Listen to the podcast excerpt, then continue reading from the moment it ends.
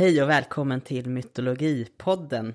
Det här är det åttonde avsnittet som tyvärr är lite senare än vad vi egentligen hade tänkt ifrån. Men sånt händer ibland att privata grejer i livet kommer lite i vägen, men nu är vi äntligen tillbaka. Vi heter Li och Erik och det är jag som är Li. Och det är jag som är Erik. Och idag har du Erik valt vad vi ska prata om idag och det är Eh, vi ska prata om den andre. Och det avsnittsämnet valde jag för när vi höll på att planera det här för snart ett år sedan då höll du på att hitta på massa så här klyftiga titlar och massa bra ämnen. Och jag gjorde inte det, så jag kom på ett enda pretentiöst ämne. Och eh, då tog jag då det här väldigt laddade begreppet den andre. Och jag tycker du har haft flera titlar som är mycket mer. Jag tycker jag har haft väldigt så enkla inriktningar. Jaha, Men äh, bra, ja, men vi... vi... Let's agree to disagree. Okej. Ja, då så. Att eh, jag då tog det här begreppet den andre och det är någonting, ett så här, ja men när vi har pluggat så har det dykt upp här och där. Det, den andre är ganska vanligt just när man pratar om de, de som inte är en själv. När det handlar om vi och dem begrepp kan den andre dyka upp ibland. Och just begreppet den andre kommer då från Edward Saids bok Orientalism. Och den kom väl på 70-talet. Och då undersöker Said hur västvärlden har tittat på de, de länder och de områden som längre österut, just därav eh, titeln orientalism. Man kan tala om Mellanöstern och sånt som är runt omkring. Och då hur västvärlden har tittat på öst och kallat det för olika saker och man tycker att öst är lite mer outvecklat eller om man tycker att det är rörigare eller om man tycker att det är konstigt så är det också underförstått att man har det som en referens mot sig själv. Om någonting annat är konstigt så är en själv en norm istället, att man utgår från sig själv som det normala. Och jag tänker väl att det här är absolut applicerbart på mytologin, för i många, många, många mytologier, antagligen alla mytologier, så har vi en huvudperson, att vi följer en grupp eller en individ och det är de som är runt omkring som kan antingen vara någonting som hjälper eller hinder. Och beroende på vad man har runt omkring hjälten eller huvudrollsguden eller gudarna så definieras även gudarna själva.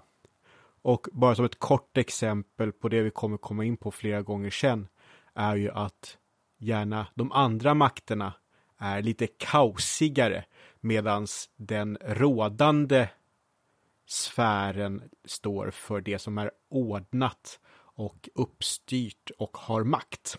Åtminstone från vårt perspektiv. Från, som precis. vi-gruppen. Ja, helt rätt. Det gör helt rätt i att belysa. Och där är ju också att vår syn på vad som är vi och dem i gamla mytologier, det påverkar ju också vad vi har för någonting att tillgå. Att vi kanske inte har hela mytologin och då kanske vi får en skev bild av vad det är som är vi och dem för. Och också hur vi kan läsa in saker från 2000-talsmänniskornas syn på vad som är normalt. Medan det kanske inte nödvändigtvis behöver vara så förr i tiden. Det är ett ganska invecklat ämne. Och det finns väldigt mycket att kika på här. Så jag tycker vi kan sätta igång. Vi kör igång med en gång.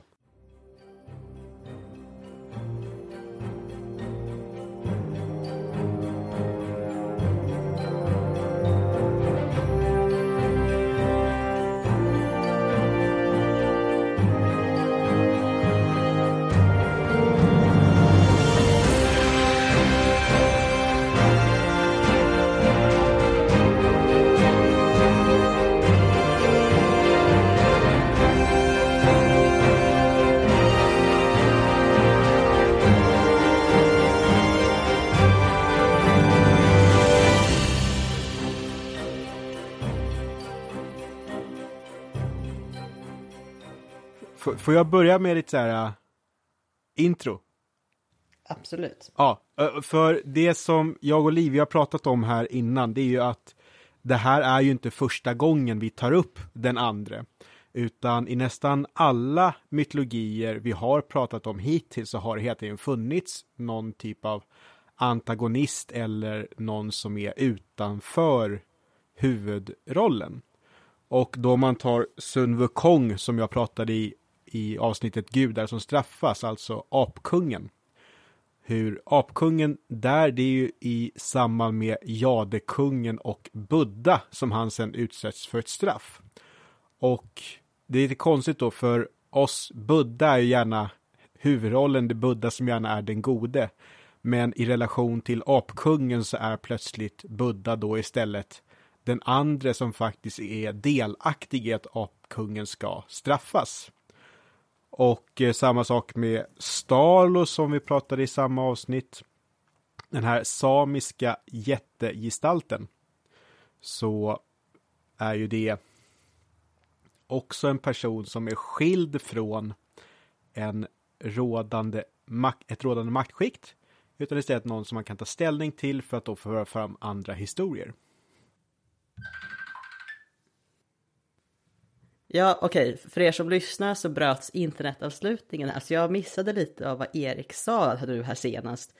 Men du var inne lite på Stalo, om jag förstått det rätt. Ja, precis. Och eh, hur Stalo tillhör ju inte det, den stora gruppen av individer som kan lyfta sin samisk mytologi, utan är istället en mer enskild figur som man då kan använda för att bolla emot. Alltså man skapar ju någon typ av sensmoral i att det är viktigt att vara klyftig mot en hotfull figur som Stalo, om jag minns rätt.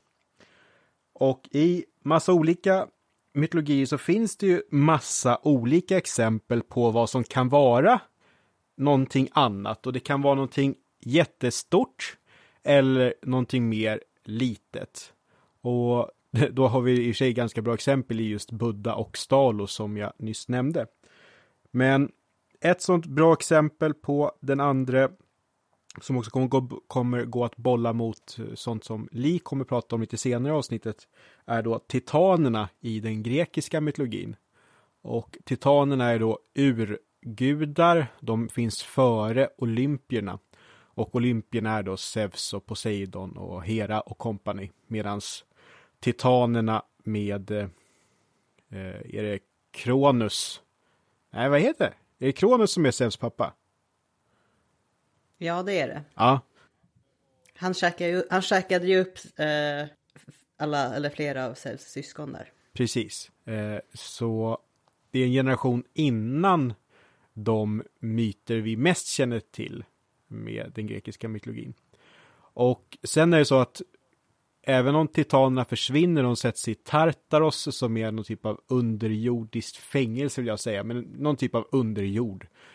Mm. Och eh, där så ska de bara sitta och inte vara till besvär, men det finns också några titaner som är kvar ute i världen. Vi får tänka oss att Okeanos, som är den titan som är själva världshaven, jag tror att han egentligen är den flod som går runt världen. Men ett världshav får vi tänka att Okeanos är, vilket passar bra med just namnet. Och eh, flera av titanerna får också massa fler barn än just själva olympierna. Det finns eh, naturgudar som jag tror att du kommer komma in lite på sen kanske. Eller i alla fall mindre gudar. Ja, lite, ja snarare ja. mindre gudar. Mindre gudar. Och eh, så jag tror till exempel att Okeanos, han ska ha några tusen döttrar som är någon typ av vattennymfer.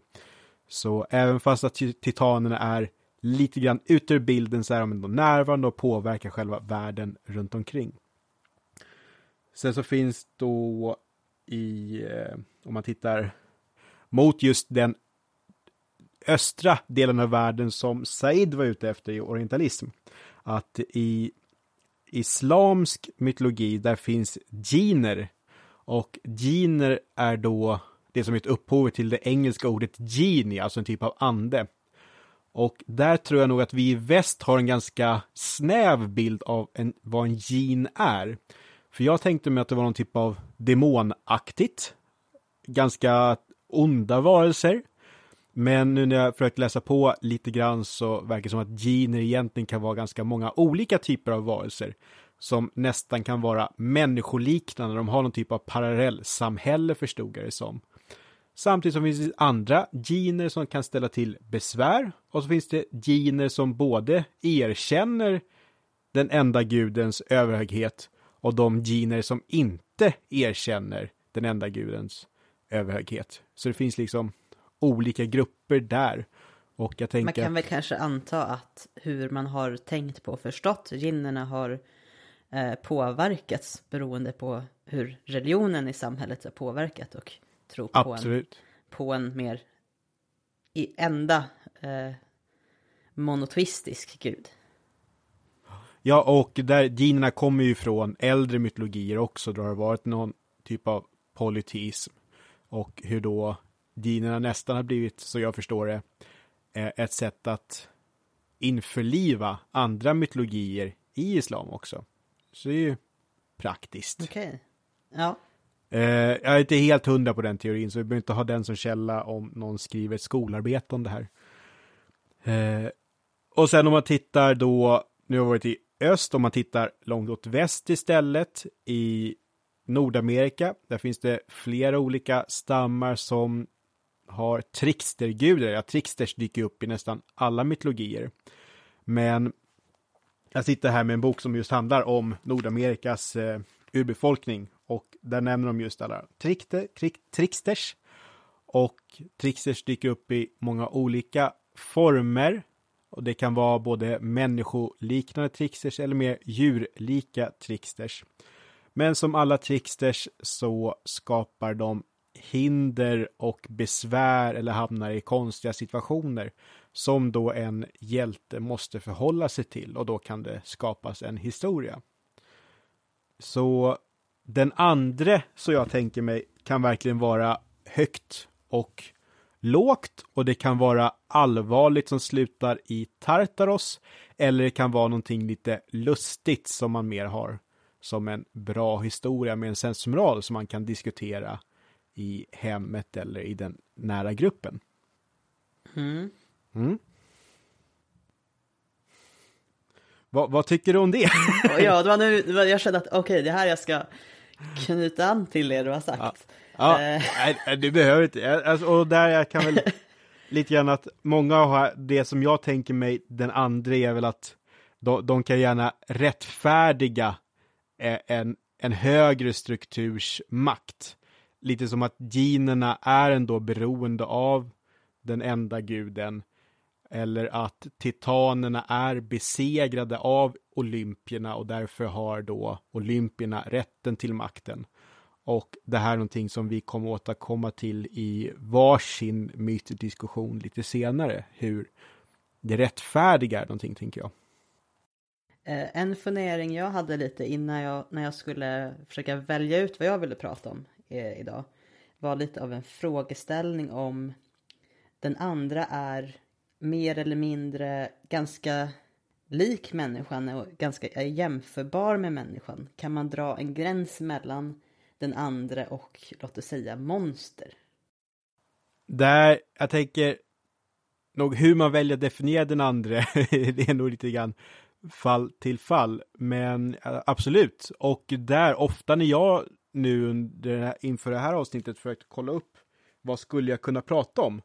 Det är att jag mm. helt enkelt får slå upp demon i olika uppslagsverk för att det är ofta under demon som det finns någonting bra att förhålla sig till. Ah, okej. Okay. Eh, och det går åt monsterhållet också. Och ja. där, just monster är ju så jag upplever det verkligen, de står för det som inte är civiliserat. Om man tar Grendel och Grendels mor från Beowulf, de bor i, inte illa nog att de bor i Danmark, de bor i ett träsk i Danmark också. Erik, får man säga så?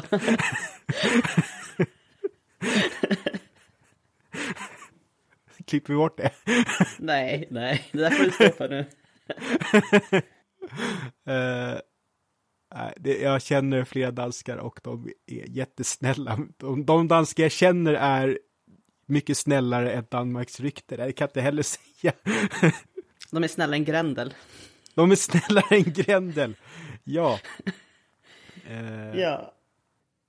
Nej, jag, jag, jag, det jag tänkte mest nu på var ju att de, de eh, andra som jag har valt är ju, drar ju mer åt eh, att vara ganska lika människor på många sätt. Mm. Eh, vissa som jag kommer vara inne på är nästan eh, ourskiljbara från människor vid första anblick också.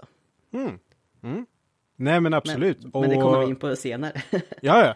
Nej och det, det tror jag också är att eh, då man har dundergudarna som huvudroll att den andra kan ju stå för då någonting mer, ja men alltså där, jag gillar vad du är ute efter, att, ja men någonting mänskligare. Och det gör ju samtidigt att gudarna framstår som omänskliga. Mm. Gudarna blir större, starkare, mer ofelbara. Mm. I relation till då någonting som en människa skulle kunna känna igen sig i. Att de kanske är på lite, de är på en annan nivå. Mm. På något vis. Fast det här kommer vi kunna ifrågasätta när vi ska prata om jättar, vilket är ett av de grejerna jag vill prata Mm. rätt mycket om. Det, här blir avsnittet. jätteintressant. Uff, där kom den redan. Det kommer Ja. nog fler jätteroliga ordlekar här. Eh, det, det är lite grann en dålig vana. Så hintar vi om det också. Just det. Ja. Eh, ni kan ju sluta lyssna nu om ni inte tycker om ordvitsar. Så vad, vad ska vi, känner du dig klar med lite av den här introduktionen? Ja, men jag tänker att det här, det här var nog så virrigt jag kunde göra det.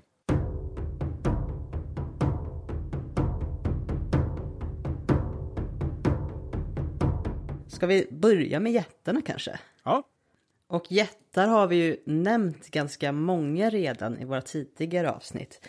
Ni kanske minns Ymer och Pangu från våra avsnitt om skapelsemyter, alltså två, en jätte från nordisk mytologi och en från, en, från Kina då, som vars kroppar världen skapades ifrån. Och du har redan pratat lite om Stalo också.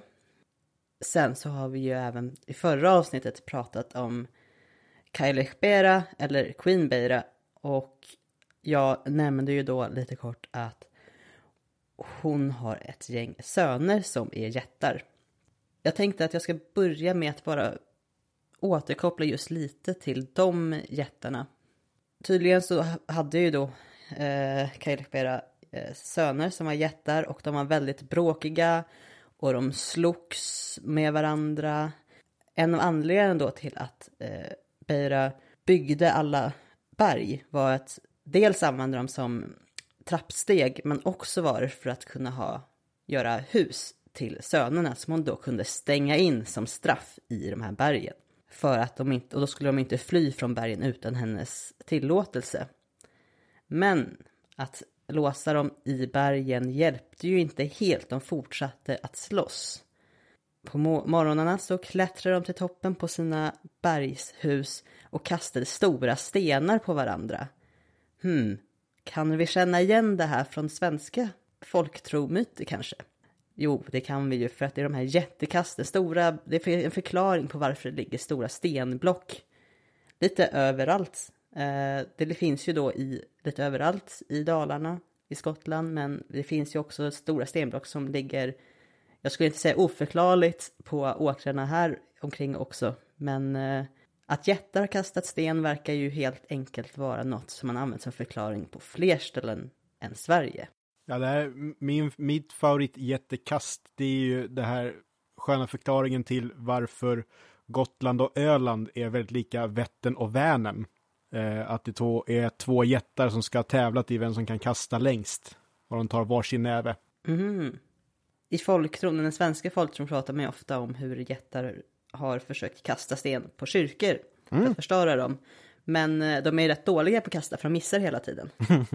ja, och Beira hade ju också en annan sorts eh, söner som också var en sorts jättar som bodde i eh, väldigt djupa grottor.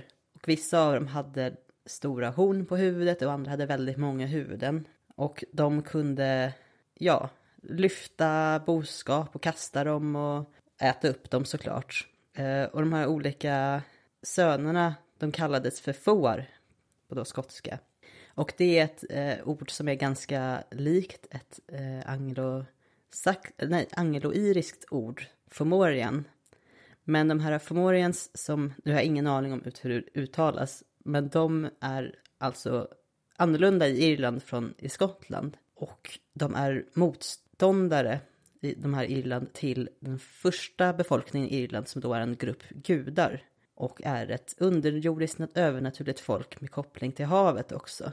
Men i likhet med de jättar som finns i eh, nordisk mytologi så har ju de också relationer till den här, eh, vad ska man, inom citationstecken, goda gruppen, med, oj, den goda gruppen med gudar, att de har relationer med dem och får barn. Det kommer vi säkert nämna lite exempel på längre fram.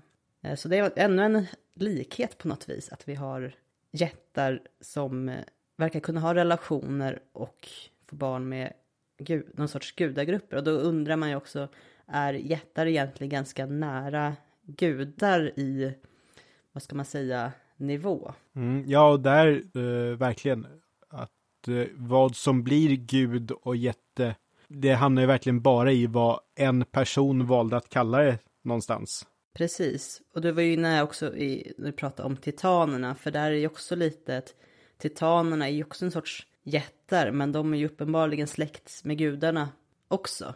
Ja, och där också att just ordet gud är ju, det blir en översättningsfråga ofta.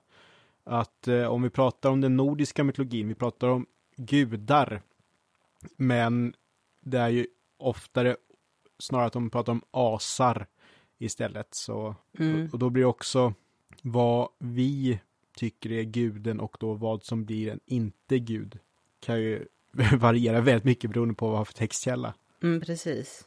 Och sen lokala traditioner också. Ja. Den, den enes gud kan säkert vara den andres jätte. Ja, nu fick jag fick någon, eh, helt plötsligt någon minnesbild av att det har funnits eh, alltså kulter, alltså kring för jättar. Men jag kan inte komma på varifrån jag kan ha hört det och vad det innebar. Eh, alltså, tänker du nordisk mytologi? Jag tror det. Ja, nej, jag vet att det finns någon typ av nyhednisk jättekult. Rune Palm som vi båda två har haft eh, nu bortgången professor eller i alla fall docent på Stockholms universitet i nordiska språk. Eh, han fick frågan av någon kursare till mig om man har dyrkat jättar i forntiden och han verkar lite grann vifta bort det som nej. Okej, okay, ja men då är det där nog moderna jag hörd, har hört om ja. som är då kan vi av, inte, avfärda det, ja. Å andra vi känner sidan, inte till, ja, vi känner inte till några tydliga bevis på det. Nej, och där, om vi tar de här jättekasten, eh, stenblocken som finns, där har du skrev din kandidat om hur, hur man förhållit sig till stenblock. Eh, B-uppsats. B-uppsats, eh, ja. Så att det är väldigt kortfattat, det ja. var länge sedan. Oj, ja. oj, oj. Nej, men att eh, ändå alla de här stora stenblocken som finns runt omkring som kan kallas för jättekast, att de har ändå dragit till sig människor. Och folk kan ju då ha förhållit sig till dem på olika vis. Och mm. sen då när några islänningar bestämde för att skriva ner det där 400 år senare så kanske inte just den delen kom med. Mm. Det jag vill minnas eh, från när jag skrev var väl att man tänkte att olika stenblock kunde ha varit eh, tänder från jätten som har skapats, eller som världen har skapats från. Ja, men jag tänkte att vi skulle kolla lite på jättar i andra delar av världen för att komplicera hela jättebegreppet lite mer. Och en av de mest kända jättarna vi har är ju Goliat som då slåss mot människan David. Grejen med Goliat är, jag är inte helt säker på om det är en jätte på det sättet att det är en annan klass än en människa eller om han helt enkelt bara är en väldigt, väldigt stor människa. Som, alltså att det är mer en, det här jätte kan ju innebära att man har det här syndromet, heter det gigantism? Men sen används ju också jättebegreppet bara för olika varelser som är väldigt resliga och stora. Ja, och där hamnar vi i översättarfällan igen också tror jag. Ja. Ingen aning om vad Goliat beskrivs som i originalet. Nej, jag, jag har faktiskt dålig koll på det också, men det var ja. bara en tanke jag fick. Att han ja, nej, men det är extremt stor människa. En rim, rimlig sak att ifrågasätta. Ja. Sen i grekisk mytologi har vi ju cyklopen Polyphemus som beskrivs som väldigt stor. Och då kan man ju tänka sig att eh, cykloper är en viss grupp av jättar med ett de här, de har ett öga. Eh, och Polyphemus det är ju den eh, cyklopen i Odysseen som fångar Odysseus och hans besättning. Och han äter sex stycken ur eh, Odysseus besättning innan de lyckas överlista jätten och fly. Nu kallar jag för jätte, men cyklop. Mm. Skulle kunna, vi skulle kunna räkna honom som jätte tycker jag ändå. Ja, och eh, oavsett om man är en jätte eller så är han ju helt klart den andra. Ja, absolut. Ja. Och i Grekland har vi ju även då titanerna som du nämnt och där har vi ju kanske en av de största, Atlas, som bär upp himlen. Sen har vi en annan karaktär som heter Titius. Som han, var, han var faktiskt son till Zeus och Elara. Eh, Elara dog ju tyvärr under jorden för att Titius växte för mycket. Zeus hade ju då gömt henne under jorden för att hans, ska man säga, otrohet till Hera inte skulle uppdagas. Mm. Eh, Classic och, Zeus.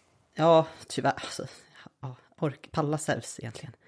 Gaias då, alltså moder jord, hade ju då Titius inom sig i jorden och fullbordade graviditeten och födde Titius.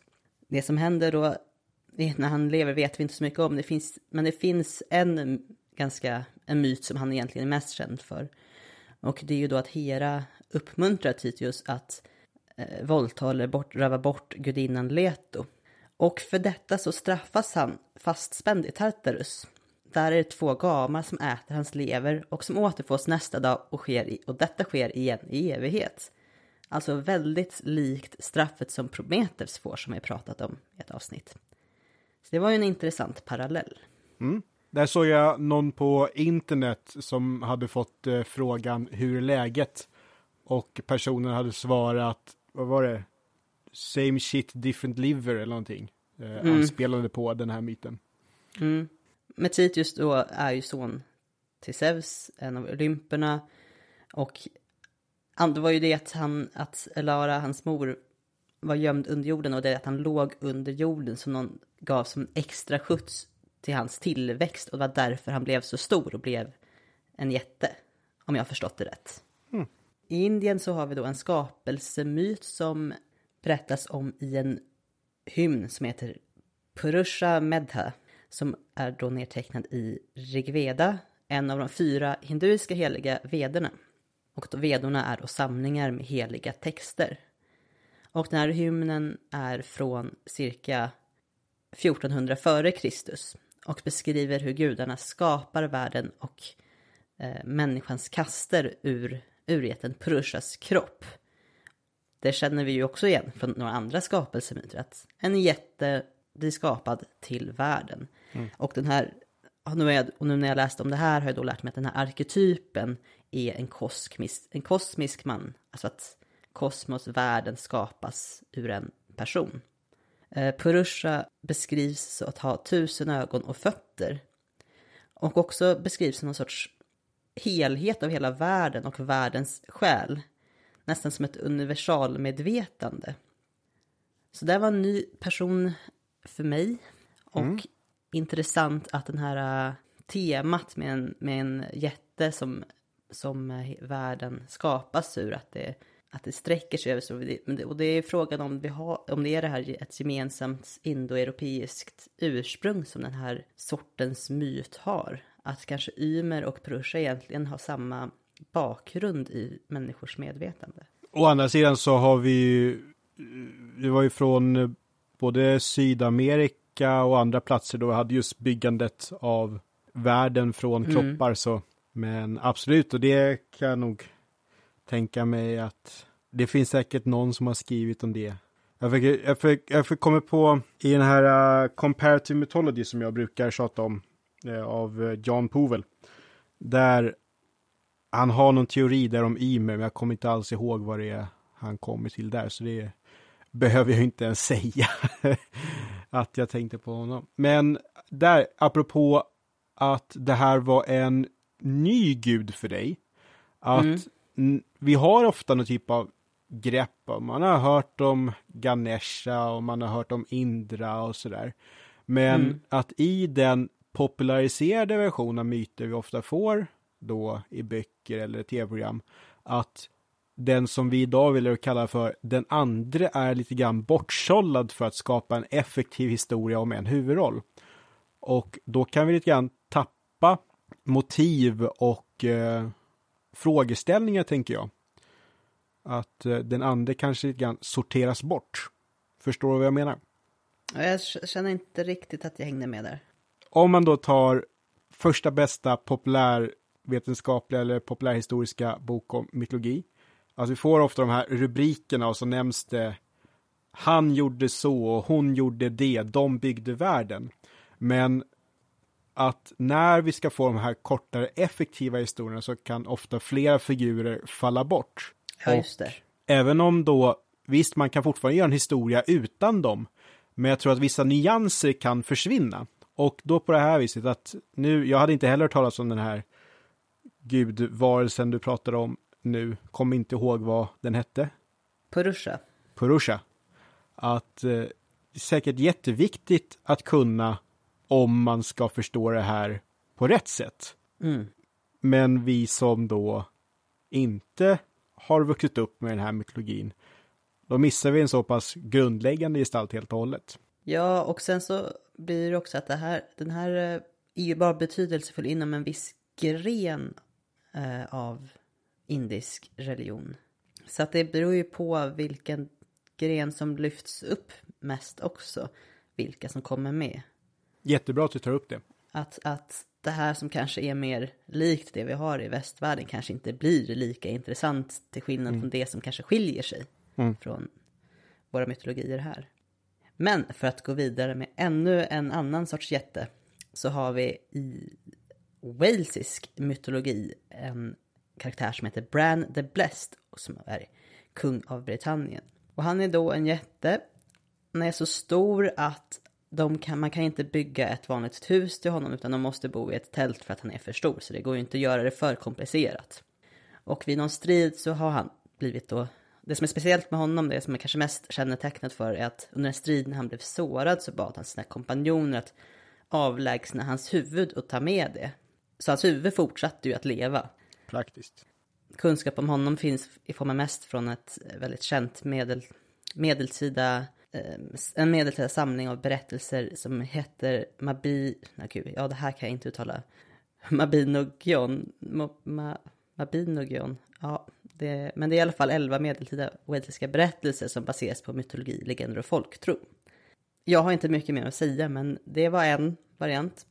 Och då ska vi gå vidare till Japan. Där finns det då en, eh, ett, mer som ett oknytt eller ett andeväsen. Eh, ett, alltså ett japanskt yokai som är jättestor. Som heter Daidara Bocci. Och då är frågan om det är en jätte eller en ande eller både och oavsett så är det en ande som är jättestor. Där kommer alltså, vi har ju det språket nu att vi, vi utgår från storlek här. Men eh, Daidara Bocci då påverkar landskapet och hans fotsteg blir sjöar och dammar och när Daidara Bocci sover så ser han ut som en bergskedja. Så det är ju ändå väldigt eh, likt det, det sättet man använder jättar här i västvärlden för att liksom beskriva varför världen ser ut som den gör. Att det är det här väldigt, jättar har en väldigt stor påverkan på landskapet. Och aztekerna hade en grupp, en, en grupp som hette Quinametsin då, en sorts jättefolk som befolkar världen i en tidig era. Vi har ju pratat lite om det här med cykler i aztekisk mytologi. Och staden Teotihuacan sägs ha byggts av de här jättarna. Så det är inte alltså en person utan en grupp med jättar som heter Quinametsin. I eh, Indien finns ju en grupp, en sorts gudomligheter som heter Datya och det, de är en undergrupp till Asuras och alla Asuras är i konflikt med Devas och Devas är de goda gudarna som de flesta av oss känner till. Och de här Asura kallas ju också, alltså har ju senare tid också blivit sedda mer som demoner. Som du var inne på, att man får söka på demoner för att hitta de andra ibland. Och det, det påminner ju också lite om, om eh, till exempel hur titaner har konflikter med olymperna. Och den sista jag tänkt att ta upp är en, en jätte från Ghana, alltså en krasch i folket har berättat om. Och den här jätten är alltså en personifiering av döden. Och myten går väl lite ut på att varje gång den här jätten blinkar så dör någon. Och jag tänkte inte gå in på djupet på den, men det finns ändå lite olika roller som jätte spelar i olika delar av världen och som vi har märkt också oerhört väldigt likartade roller också. Jag tänkte att vi kanske lite mer ska prata, gå in på jättar i nordisk mytologi och folktro här från Skandinavien här efter. Men uh, har du några reflektioner över de här olika exemplen jag tagit upp? Verkar jag ganska, alltså det är inte dem jag vill hänga med. Uh, ja men så här, varje gång man blinkar så dör någon, det är så här oskönt. Nej, det var inte mm. så kul. Ja. Å andra sidan så kanske det, det kan ju vara var som helst jag gissar att den personen dör. Ja, det framgick inte eh, så tydligt om myten när jag läste den. Men det som hände var grejen också var att han hade någon sorts pulver i hårrötterna. Och, och det pulvret, om man slängde det på någon så fick det ju återliv. Men det var ändå en grupp, eh, en by, grupp bybor som hade satt den här jättens hår, eller eldat upp honom så att han dog av elden. Men då skulle de då prova det här pulvret. De testade det på några människor som hade dött. De fick liv, ja vad bra, så testade de, testade de kastade det på ögat. Tyvärr, på den här jätten. De visste ju inte att det var det som var problemet. Um, så då var det tydligen bara, det var en katt på besök. Uh, då var det alltså bara ögat då som levde på den här jätten sen efter de hade eldat upp honom. Och så fort, fick döden alltså fortsätta att finnas. Så den mm. myten går ut på att förklara varför, ah. varför döden överhuvudtaget existerar. Okej. Okay. Jag ska bara stänga ut en katt härifrån rummet. Ah. ja, jag tänkte bara där du pratade om eh, just hur mycket vi läser in i ordet jätte med jättestor. Eh, jag tänkte, kommer du ta upp någonting om etymologin där? Nej. Eh, och Förlåt, då etymologi, det är då språkhistoria. Alltså, vad är själva ordets historia, hur har det utvecklats? Och där i Tommy Koselas avhandling om jättar i halvmiljö i då nordisk mytologi, där tar han upp eh, det mest eh, accepterade tolkningen till ordet jättes historia. Och det kommer från ett gammalt ord för att äta. Så jätte kommer från en ätare och den som äter oerhört mycket är en jotun. Och en jotun är då det, det gamla ordet för jätte i Skandinavien, alltså de nordiska språken som inte är samiska eller finska. Eh, bara för att inte göra om den tabben igen. Eh, det kommer från någon som äter jättemycket. Och sen så, den som äter jättemycket är väl en jättestor varelse. Och därför har det då blivit att vi för oss så tycker vi att jätte har med någonting som är stort att göra. Exakt. Vi har ju också eh, från nordisk mot andra namn på jättar också. Utöver det här jutnar så är det ju också resar och tuschar. Och resar har jag uppfattat dem har att göra med att de är resliga. Alltså, mm. Tuschar minns jag inte. Kommer... Mm. Jag hade den etymologin i Tommys avhandling också, men jag eh, la inte den på minnet. Ja, jag kommer inte ihåg heller. Och jag törs inte gissa. oj, oj, oj.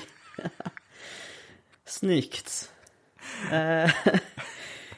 det är då den första ordet som vi inte dragit på förhand. De andra hade vi ändå gjort en gång förut. Ja, de var vi ändå, där var man inställd på att de skulle komma. Ja. Eh, men i alla fall, jättarna i nordisk mytologi bor ju i Jotunheim. Så håller de även till då i Utgård som ligger i Jotunheim. Och kung i Utgård är då Utgårda Loke, eller Grymer kallas han också för.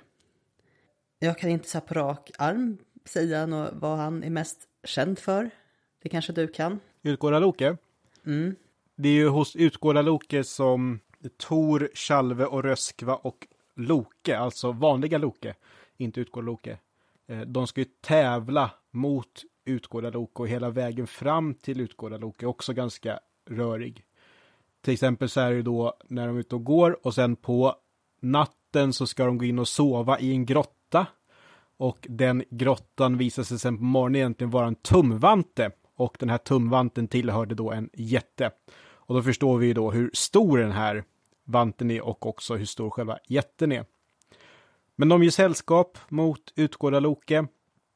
Men när de ska sova nästa natt, då snarkar ju den här jätten så mycket. Så Tor vill gärna slå ihjäl den här jätten. Och då tar han sin hammare Mjölner och drämmer till huvudet på jätten som vaknar till och säger Är det någon fågel som sitter i trädet ovanför? Det känns som att någonting bajsade på mig. Och det här händer flera gånger att Tor försöker slå ihjäl jätten och jätten bara är ekollon som trillar på mig, någon vindpust. Eh, så även fast att Tor har den här oerhörda styrkan så bara somnar jätten om. Och det kommer ju fram sen att det är utgårda Loke i magisk förvandling som är den här andra jätten. Och när Tor slog med sin hammare så slog han egentligen på bergen. Och de som såg de här bergen såg hur det blev tre djupa dalar i samband med varje hammarslag. Och det tänkte jag just på när du sa där om bergskedjan och jätten som mm. sov här alldeles nyss. Mm. Att återigen så har vi då jättar som landskap. Mm, just det.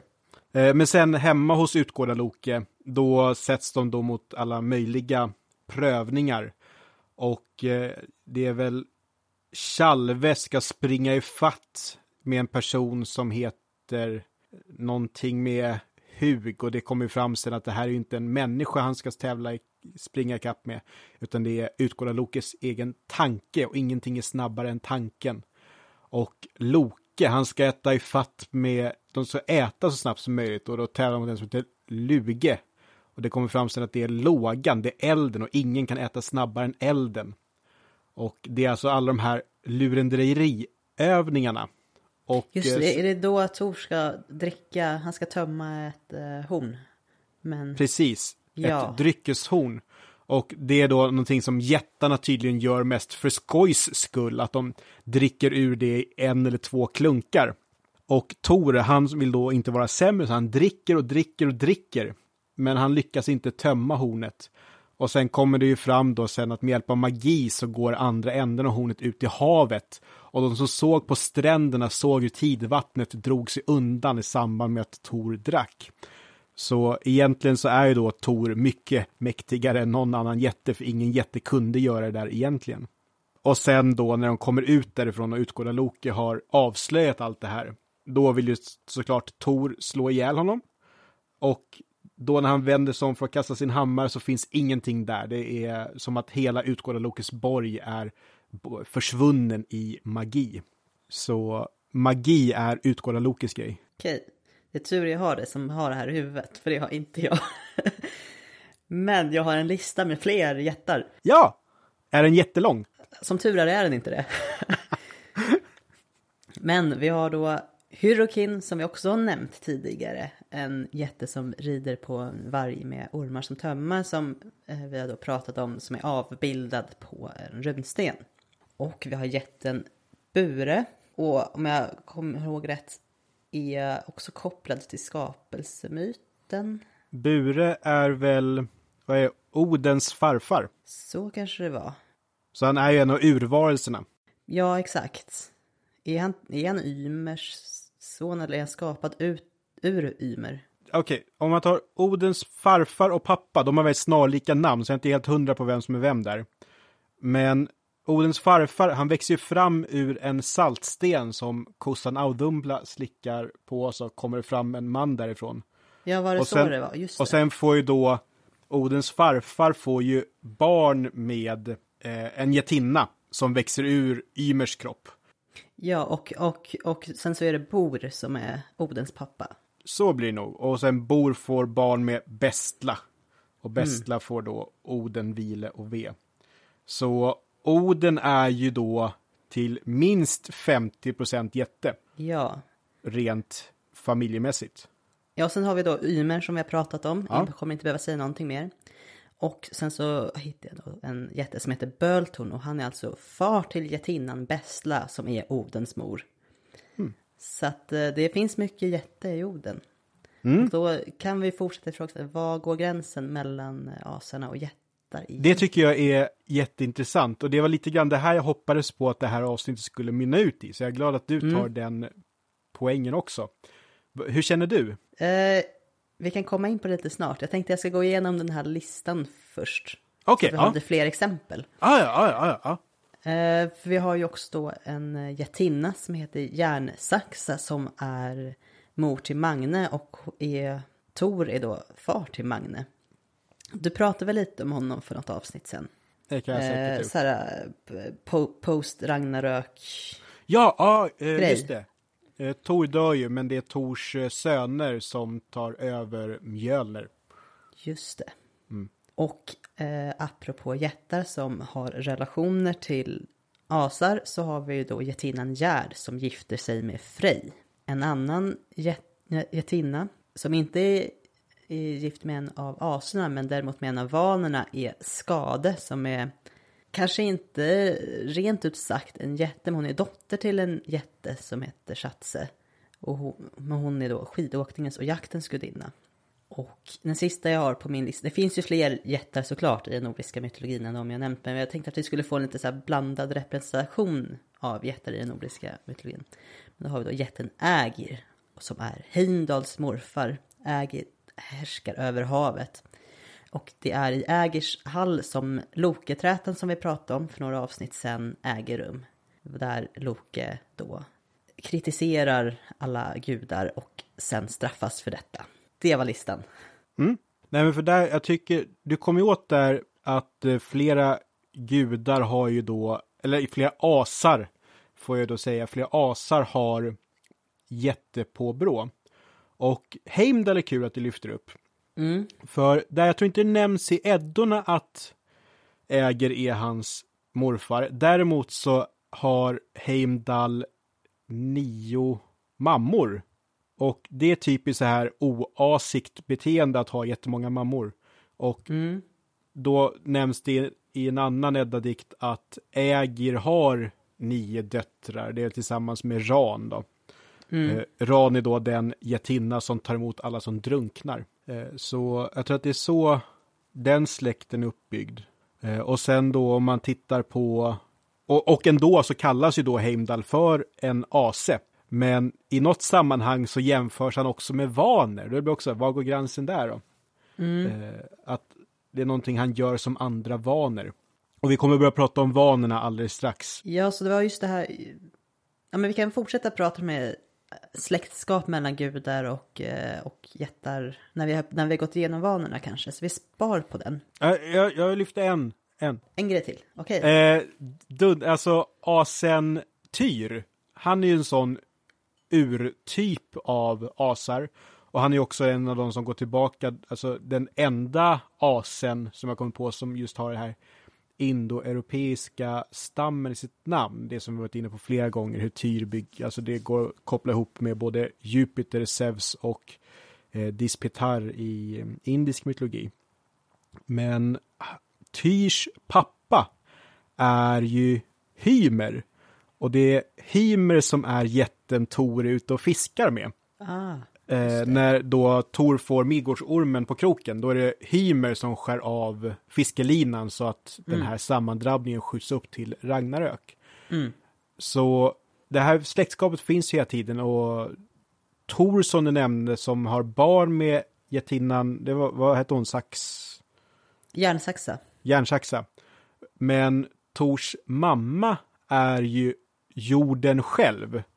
Och det kan man också tänka sig att det är någon typ av jättegestalt. Eh, någon typ av moder jord. Jag tänker på Ria eller eh, vad heter hon? Ga... Gaia. Gaia. Mm. Ja, och det är intressant. För då jättarna blir ju någonting som asarna får förhålla sig till samt och ofta är fienden. Är, och som fienden är ju framförallt att målas upp då de här kortare versionerna vi kan ta del av idag. Men de är hemma hos Ägir, de är på fest hos Ägir.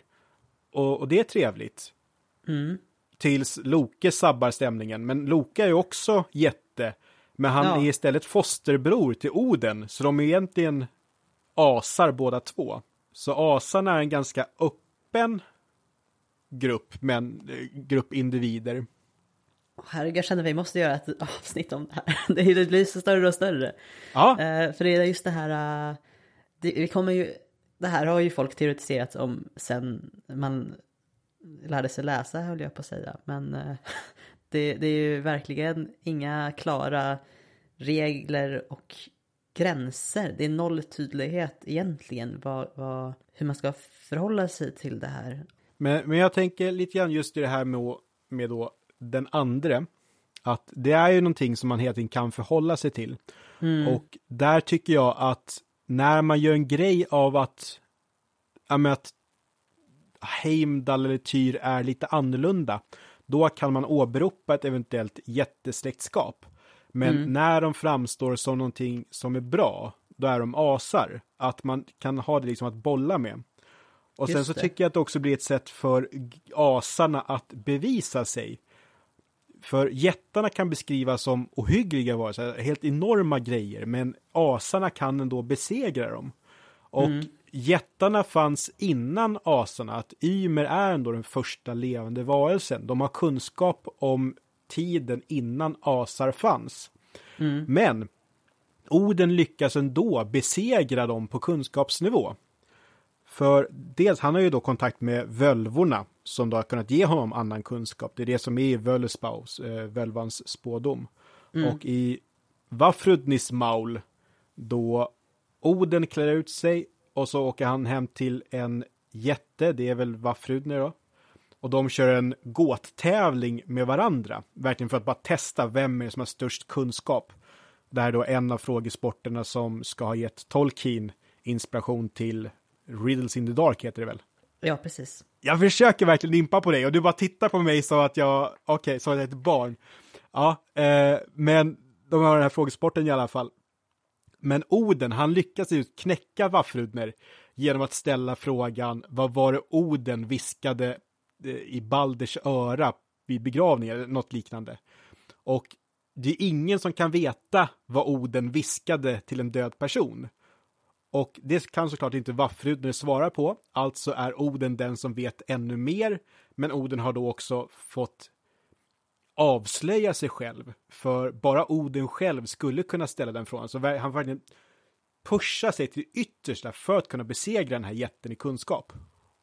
Så jätten som den andre blir en fiende, en likvärdig, någonting mm. att sträva efter och överträffa, även om det krävs en hel del.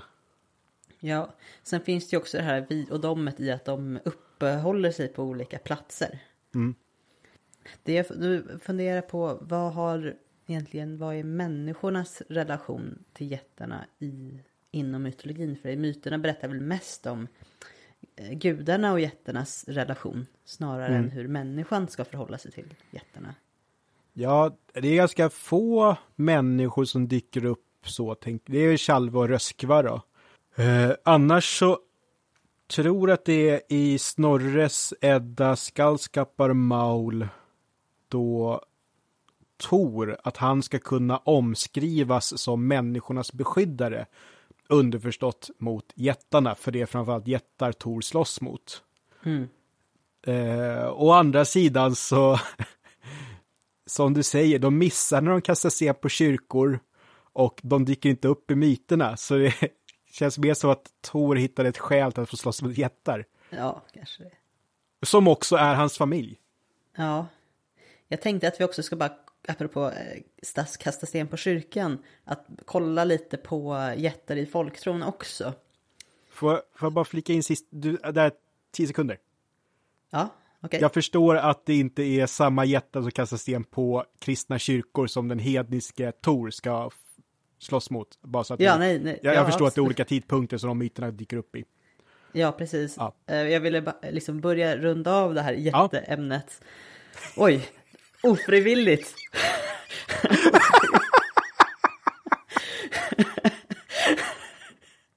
När man inte ens planerat det. Men ja, vi har, jättar är ju fortfarande väldigt närvarande i eh, folktron och det finns ju väldigt mycket exempel på, från, om jättar från till exempel Dalsland och Värmland. Men jag tänkte ta, bara ge några exempel på jättar från i närheten till eh, våra stora sjöar, Vättern och Vänern. Eh, då har, jag bor ju i, i Lidköping just nu, eller just nu, eller jag gör det men jag är inte där, för jag är någon annanstans. Men där i närheten av Lidköping så finns det då en, eh, en geologisk formation som kallas för Hindens rev som ligger i Vänern. Och då enligt folktron så är, då, är det då två jättar som, som gillar varandra. Den ena bor på Dalslandssidan av Vänern och den andra bor då på Kolland. Och man förklarar då det här Hindens rev att, att det är då jättar som ska ha försökt bygga en bro mellan Kolland och Dalsland. Men då är det några sorts vattenväsen som har förstört den i mitten för den går inte hela vägen. Så att det liksom sjunker ner under vattnet eh, i Vänern. Och liknande så har vi då Visingsö i Vättern. Och där det är själva berättelsen då att det är två jättar som är på väg hem från Västra Götaland. En av dem vill inte bli blöt om fötterna så den andra kastar ner en ö helt enkelt. En massa massor som då den andra jätten kan trampa på för att slippa, för att den har inte tillräckligt långt steg för att ta sig över hela Vättern. Så där har vi det här eh, jättar som formar landskapet som man har då i eh, relativt modern folktro helt enkelt. Som man berättar. Eh, andra exempel på, på naturliga saker som förklaras med att det är jättar som har varit i görningen är ju då till exempel jättegrytor, alltså stora håligheter i marken. Olika stenrösen som vi vet är byggda av människor på bronsåldern.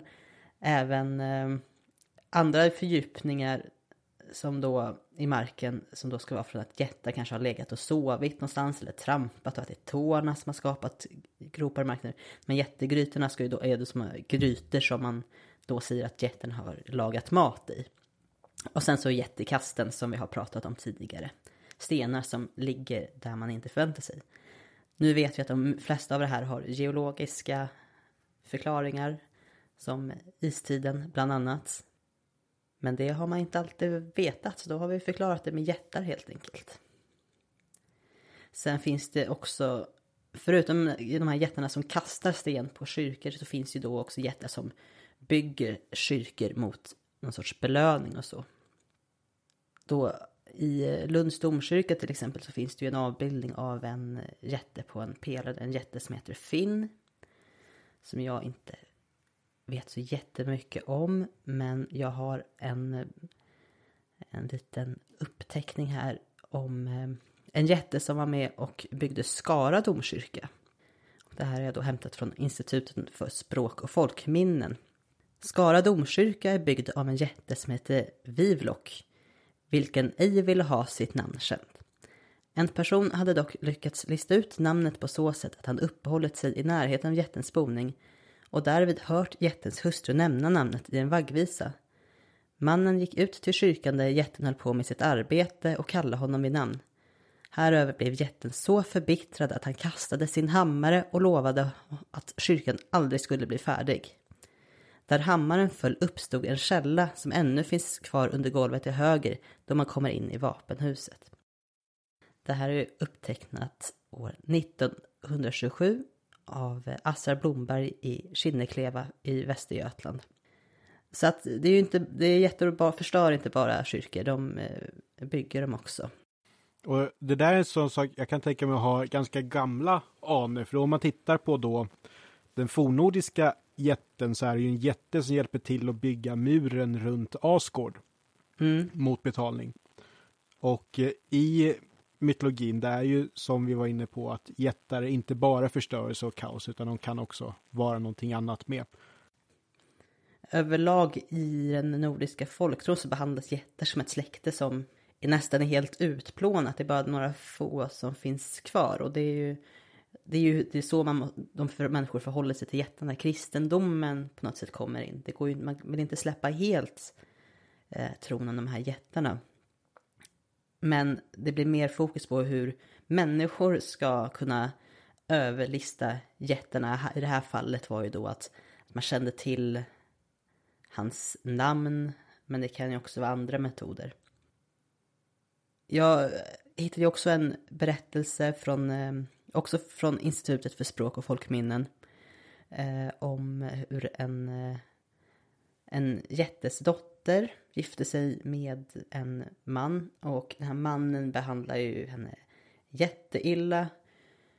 Och vid något tillfälle så bänder hon då upp en hästsko så den blir helt rak. Eh, och mannen blir helt förbryllad. Men, men om du är så stark, varför har du inte liksom gett tillbaka liksom när jag har, jag har slagit dig eller vad han nu har gjort, eh, misshandlat.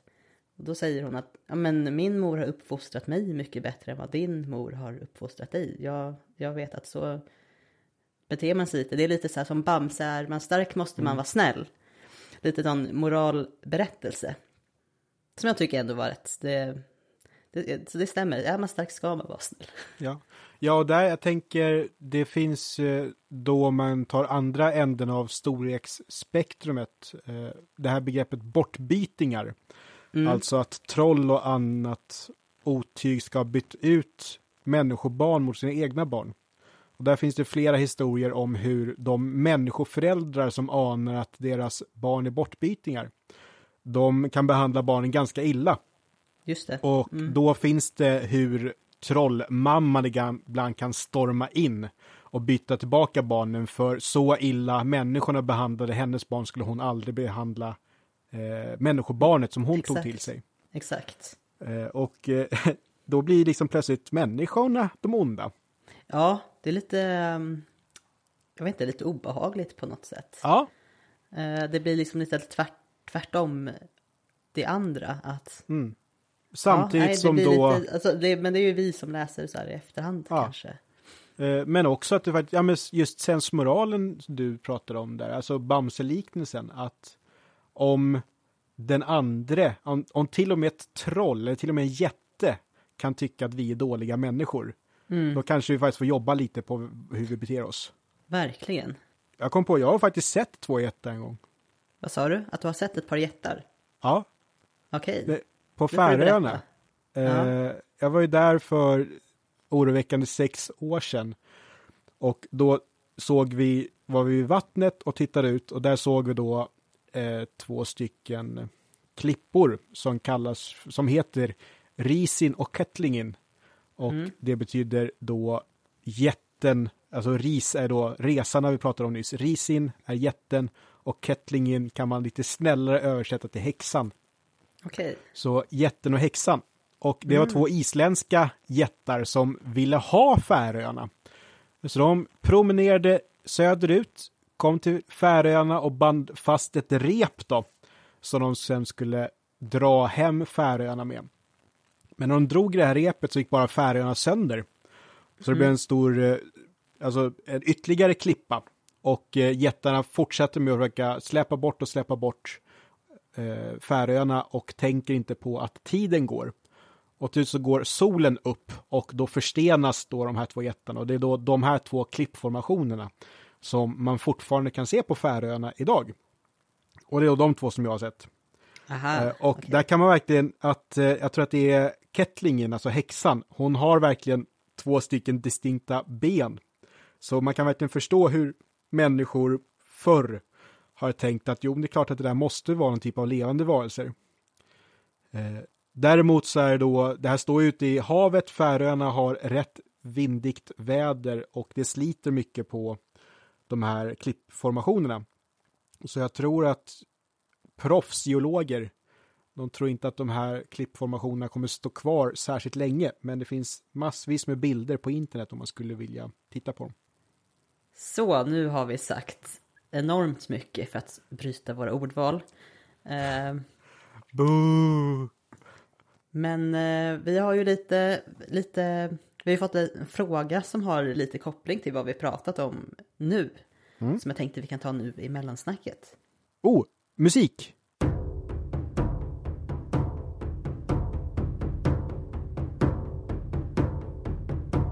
Ja, och nu är det som så att vi har fått en fråga från Julia på Instagram. Hon kommenterade, var det vårt förra avsnitt efter vi hade släppt det? Precis.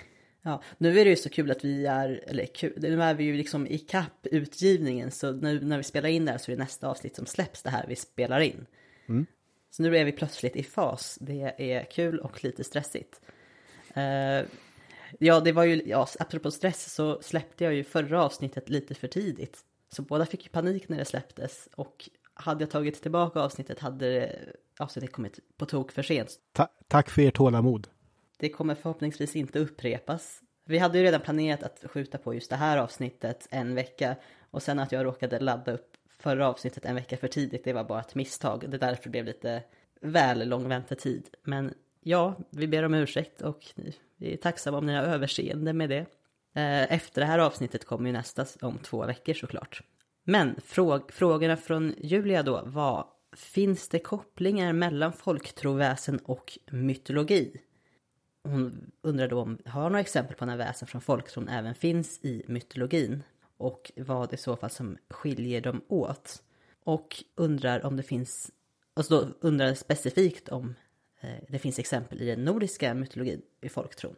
Och nu har vi pratat lite om jättar och du kan ju återge för våra lyssnare ungefär vad du gav eh, Julia för svar på Instagram.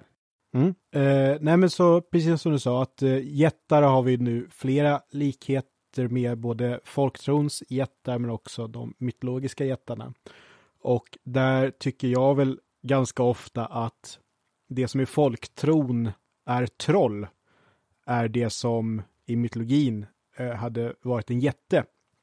Och där tror jag nog att jag såg någonting på isländskt original från någon av Snorres texter och där stod det ordet troll men det var översatt till jätter så återigen så tror jag att översättarna kan ha gett oss fler jättar än vad det kanske har varit en gång i tiden. Men det är jag inte helt hundra på. Men gudarna finns ju i den som finns i den nordiska mytologin finns också i folktron och där finns ju då Freja och Tor och Oden. Och en sån här klassiker det är då den vilda jakten som då ska ledas av Oden och hur de jagar diverse troll och annat otyg. Freja finns också nämnd vid namn. Hon kan heta Fröjenborg tror jag i någon äldre svensk text. Men hon har kanske inte riktigt den egenskapen vi känner igen från mytologin. För det finns då nedskrivet i, vad heter det, Värend. Finns en sån, ja i Småland. Och där är att om man ser blixtar långt borta så har man kunnat säga att det är Freja som sår korn. Och om man tittar på den nordiska mytologin kanske man hellre hade tänkt att det är Tor som slår med sin hammare så att det kommer blixtar. Vilket också är så det kan vara i folktro på andra håll. Så lite överlappande kan det vara där.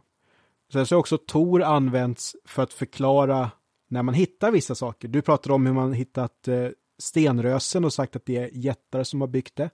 Men om man hittar stenåldersyxor i marken, då kan det kallas för att man hittat ett åskvigg, alltså någonting som finns kvar efter att Tor har slagit med sin hammare. Och då har det varit ganska populärt på sina håll att ta en sån här stenåldershammare och sen ha i sitt hus.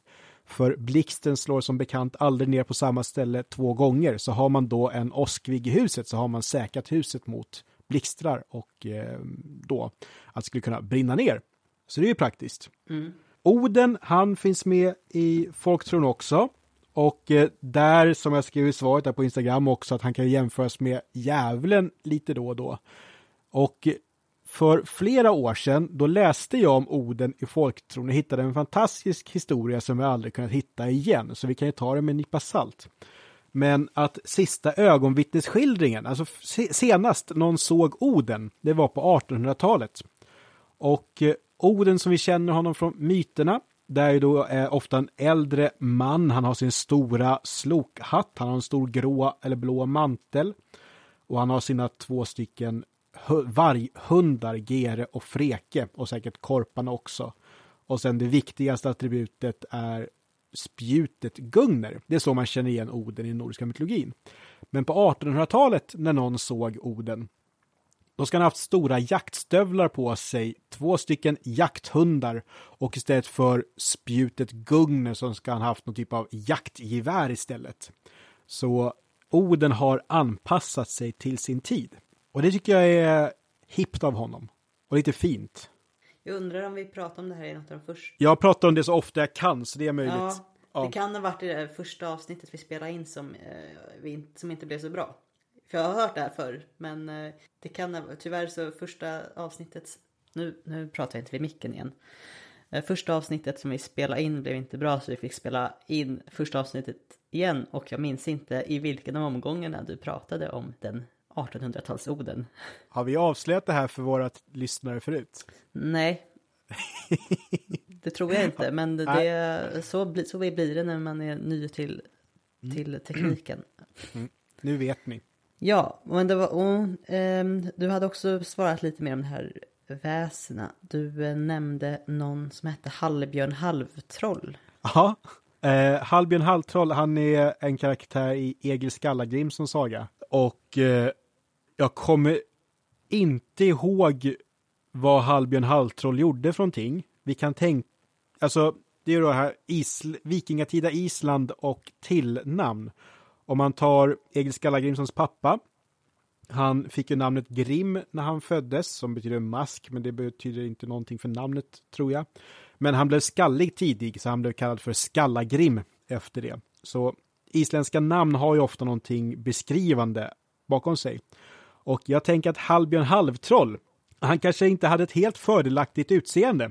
Så därför kanske de tänkte att han då va- var hälften människa, hälften troll. Kanske det att han hade någon släkthistoria där. Det kanske var att han var en stor person, storväxt. Eh, ja. Eh, nej, att jag kommer ihåg Hallbjörn Halvtroll. Det är säkert sju år sedan jag läste det. Men det är att jag la upp det namnet på Instagram och hävdade att mina framtid, något av mina framtida barn ska heta det. Men jag har ångrat mig på den punkten. Okej.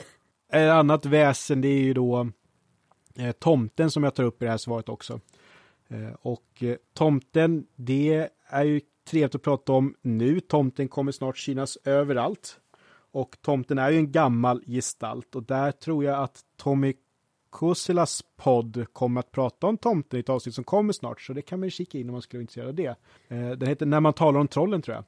Ja, och den har jag tänkt att det kan vi ju rekommendera om ni är intresserade av jättar också, för det har de gjort Ja. ett avsnitt om. Ah, ja men då som så. är bra. Så att, Ja. eh, om ni vill dyka djupare i jätteämnet. Men, men tomten då, han är ju då den som är på tomten. Gårdstomten är ju knuten till en gård. Och det skulle kunna vara någon typ av förfadersdyrkan. Har jag läst. Vi får se vad Tommy och eh, company säger i sin podd. De Mm. är mer pålästa på det här än vad jag är. Men att mycket sånt som kan vara väsen i senare folktro kan ju bygga på någon typ av förfaderskult. Det är svårt att säga och där är- läste jag någon bok om maurisk mytologi här innan vi spelade in. Och där har jag till och med föreslagit att alla gudar i mauri-religionen skulle bygga på förfäder och så var det någon som sa nej men det är nog inte rimligt ändå. Eh, men ändå att eh, när en muntlig historia går och går och går så kan ju de som var dödliga en gång i tiden att upphöjas till någonting annat. Ja, och det, det finns, ja, det allmänt, vi kommer att prata om lite fler väsen eh, som finns både då i mytologi, i folktro, eh, snart i andra halvan av avsnittet. Så att det, det är som du, du skrev ju i svaret att vi kommer nog prata lite mer om det här i kommande avsnitt. Och här är, eh, ja, kommer det lite mer helt enkelt om väsen i nordisk mytologi och folktro. Jag kommer svänga, svänga lite till England och brittiska öarna som vanligt också och jämföra med det.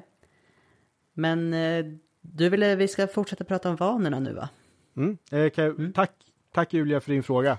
Ja, tack så jättemycket. Det var jättekul. Och eh, Nils som ställer en massa frågor, han har börjat skriva till min privata messenger också. Så jag kommer ta mig an dem så småningom. jag tror Nils är uppe i totalt åtta frågor nu. Det var Nils som vi aldrig nämnde vid namn förra Nej. avsnittet. Men vi har tillstånd att nämna hans namn nu och Nils, Ja. jag tycker om det jättemycket, fortsätt ställa frågor. Ja, de är jättebra. Ja. Nästan för avancerade för oss, men vi försöker att göra vårt bästa.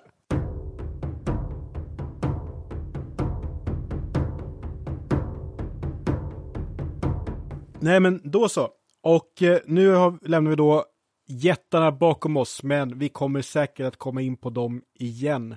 För vi kommer att vara kvar i den nordiska mytologin och istället prata om vanerna. Och när vi pratar om nordisk mytologi, då om vi använder då det nya ordet gudar, då får vi med ganska många på köpet, men man får en större inblick i den nordiska mytologin om man ändå tittar på asar som asar, jättar som jättar och vaner som vaner. Och så det beskrivs så är det i urtiden ett krig, det allra första kriget. Och det är mellan asar och vaner. Och det beskrivs lite annorlunda i Snorres Edda eller Ynglingasagan som också är skriven av Snorre. Det finns nog många gemensamma element också. Och i det här första kriget det är mellan ossar och vaner. Och de krigar och krigar. Det är jättejobbigt och det går Alltså det händer hemska saker, det är krig. Och till slut så är det att båda parter tröttnar på att kriga. Och det är ju rimligt. Och de sluter fred. Och enligt den ena av Snorres texter så sluter de fred på det enda rimliga sättet. Det är att man spottar i samma skål. Eh, för det är så man gör även nu för tiden. Och ur det här blandade spottet så stiger upp en ny gud, han heter Kvaser. Men i den ena av de här källorna så finns Kvaser redan innan. Men när det sluts fred i alla fall, då ska man också utbyta gisslan med varandra. Och idag så har gisslan en, vi kopplar gärna till hemska situationer. Men förr så är gisslan ändå ett utbyte av viktiga personer för att bibehålla freden. Som när den medeltida kungen skulle resa runt på Eriksgatan här i Sverige när en ny kung är vald. Då ska han resa runt i riket och då tar han också med sig gisslan när han rider igenom olika landskap just för att säkerställa att allting kommer att gå rätt till mellan olika grupper av människor. Men hur som helst, asarna de skickar över kvaser och mimer till vanerna. Men vanerna de skickar över Frej, Freja och deras pappa Njord.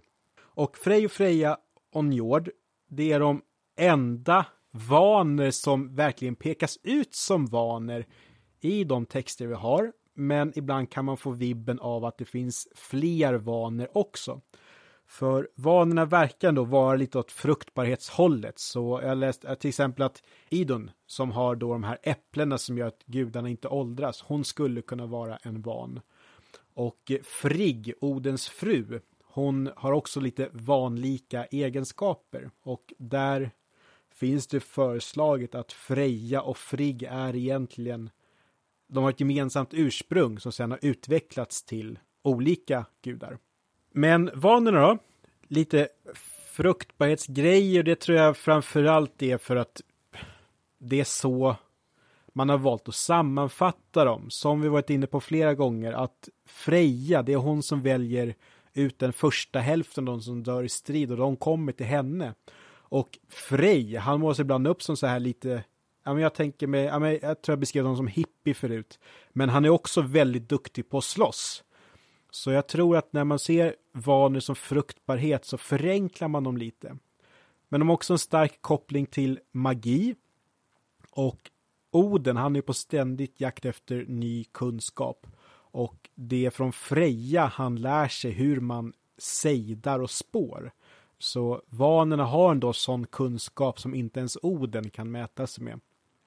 Och det är lite intressant. Och det är ganska tydligt då hur vanerna ändå är en den andre, någonting att förhålla sig till. Men vanerna räknas också som asar, i alla fall när vi pratar om Njord, Freja och Frej. För Freja, hon beskrivs som den främsta av asynjorna, alltså de kvinnliga asarna. Så i den egenskapen så är hon 100% upptagen i asarna som identitet. Eh, sen finns det en äldre van, får man tänka, det är en som vi varit inne på flera gånger också. Och det är då att i Tacitus bok Germania från år 98, då nämner ju han att det finns en grupp germaner som dyrkar guden Nertus. Och Nertus som namn är besläktat med namnet Njord. Och det skulle kunna vara då att Njord och Nertus har varit ett gudapar på samma vis som Frej och Freja. För det beskrivs också att bland vanerna då gifter sig broder med syster, alltså sy syskonäktenskap är en grej. Eh, sen så Nertus finns inte i senare myter, däremot så tror jag att man kan se henne lite rester i ortnamn. Och om hennes namn hade utvecklats till att finnas i den senare nordiska mytologin så borde hon ha hetat Njärd eller någonting. Så Njord och Njärd på samma sätt som Frej och Freja. Däremot så har vår gamla föreläsare Anders Karlsson på arkeologin. Han sa någon gång att Nertus inte borde heta Nertus, utan att det kan vara romare som har missförstått det där. För om hon heter Artus, som då har med jorden att göra, som i Earth, och som också då kan utvecklas till att bli jord på nordiska språk, så skulle det vara mycket rimligare för den moder jord hon ändå verkar vara. Terramater. Och eh, sen är det då att vi förstår att det verkar finnas någon typ av relationer mellan asar och vaner också. Precis som på samma sätt som, som är jättar och asar. För Freja, det kan man säga att när asar och vaner sluter fred så försvinner tvånget på att syskon måste gifta sig med varandra bland vanerna. För det är någonting som asarna inte tycker om att man gör. Och Freja har en man som heter Od, men han är ute och reser väldigt mycket. Och det finns ju då någon tanke om att Od skulle kunna vara Oden. Men det är ingenting som bekräftas i de texter vi har. Och det är när han är borta som Freja gråter gyllene tårar.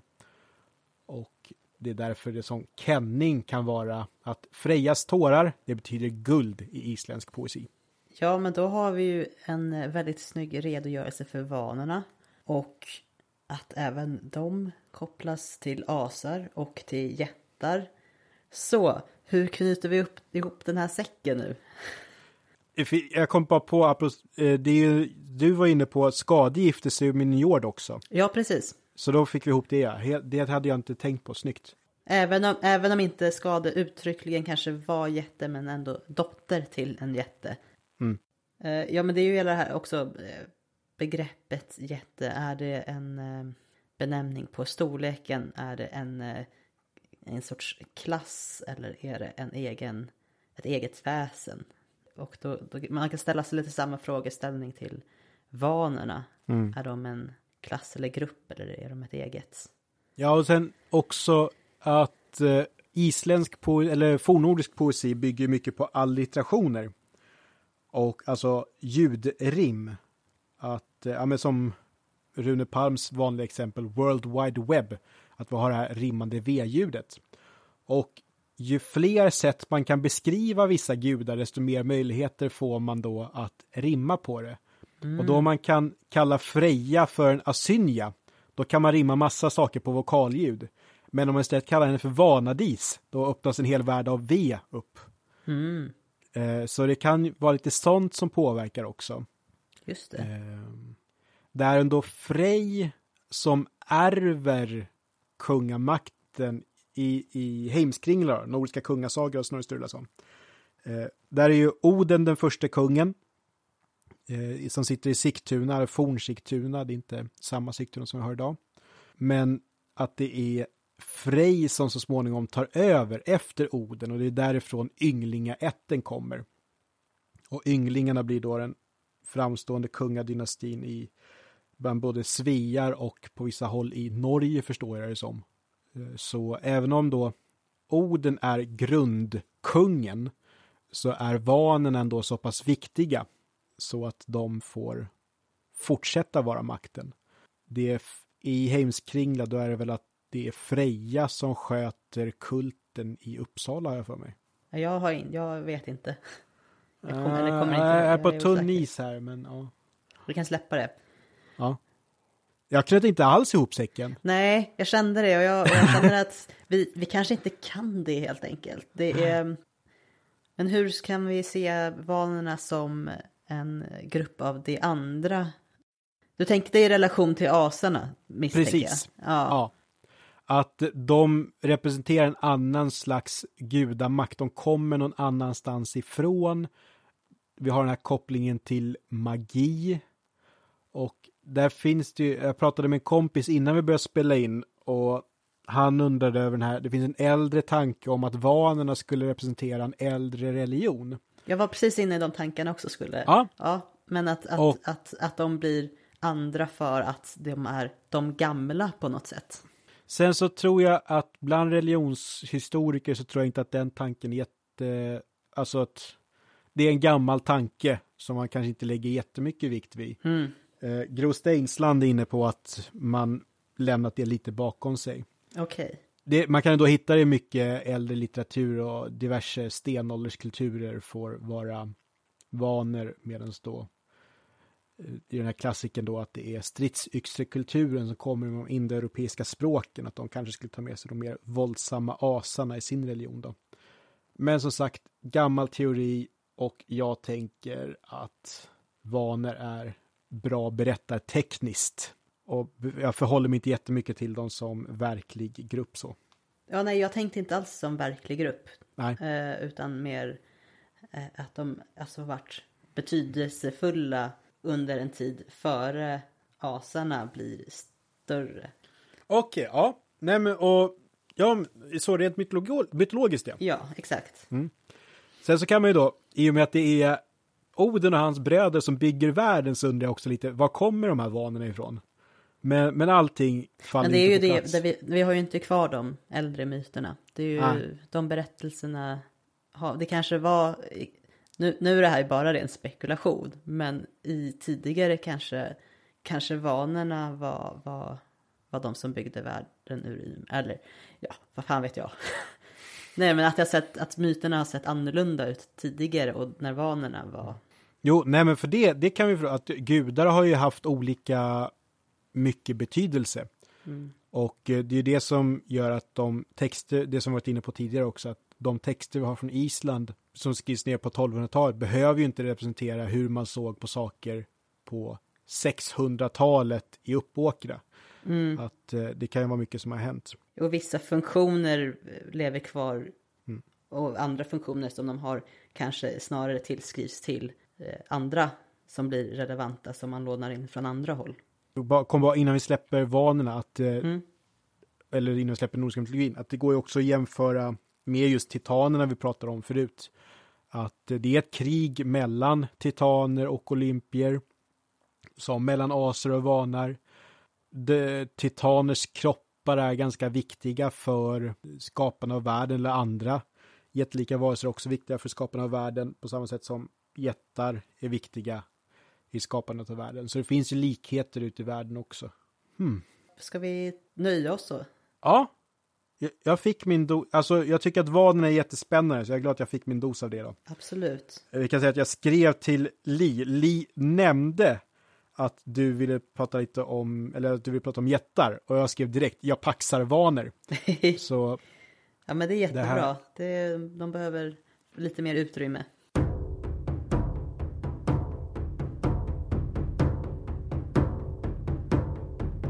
Nu, jag tänkte så att säga mer ta ner oss på jorden eller under jorden. Eh, med nästa, nästa eh, an, grupp av andra. För jag tänker, jag, jag har, kommer att prata ganska översiktligt om många olika väsen. Och det kommer liksom kanske utgå lite mer från folktro än mytologi. Men, och jag kallar den här liksom gruppen av olika väsen för olika gömda folk.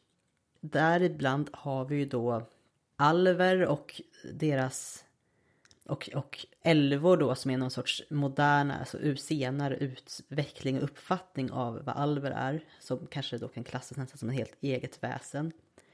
Diverse oknytt som eh, vättar och småfolk. Olika gårdsväsen och vittror, huldrefolk. Och sen så har vi då också troll. Och många av de här olika eh, begreppen och klassificeringarna går ju in i varandra något så oändligt att det kommer, jag kan inte reda ut det här. Vi kommer inte kunna reda ut det här idag. Men vill ändå nosa på de här för att, och det är det här jag kommer också dra paralleller, dra paralleller till, eh, till motsvarande väsen i Storbritannien eller de brittiska öarna också. Och jag kommer nog börja med och prata lite om begreppet eh, fairy som används då i de brittiska öarna. Och ordet fairy, först när man hör det tänker man kanske då på söta älvor och feer som lite som ett tingeling i Peter Pan. Men ursprungligen är ju inte det det handlar om. Det har ju skett en sorts gullifiering av de här små magiska väsen på, under viktoriansk tid. Att det liksom flyttar in i barnkammaren och skulle bli lite gulligt. Eh, men fairy är ju snarare ett ord, eller fairy eller fej är en benämning på olika väsen som är, innehar någon sorts magisk kraft. Eh, fairy är också ett namn på den plats som magiska väsen kommer ifrån eller bor i. Jag tänkte att just man pratar om göm, olika gömda folk och fairies är att de bor ofta i någon sorts parallellvärld eller en sorts underjord. Vi har till exempel att de kanske kan bo på någon otillgänglig ö eller något. Att de gömmer, oss för, gömmer sig för människor. Ja, jag kan börja berätta lite mer kortfattat om olika gårdsväsen som vi har. Du har redan liksom nämnt tomtarna tidigare. Och det finns ju olika, alltså då typ som hustomtar och i Skottland har man då brownies och hobs som också eh, kopplas till huset och hemmet. Och, och de lever ju ändå kvar i folktron att man ska att de beter man sig snällt mot dem så kommer de hjälpa till och ta hand om huset.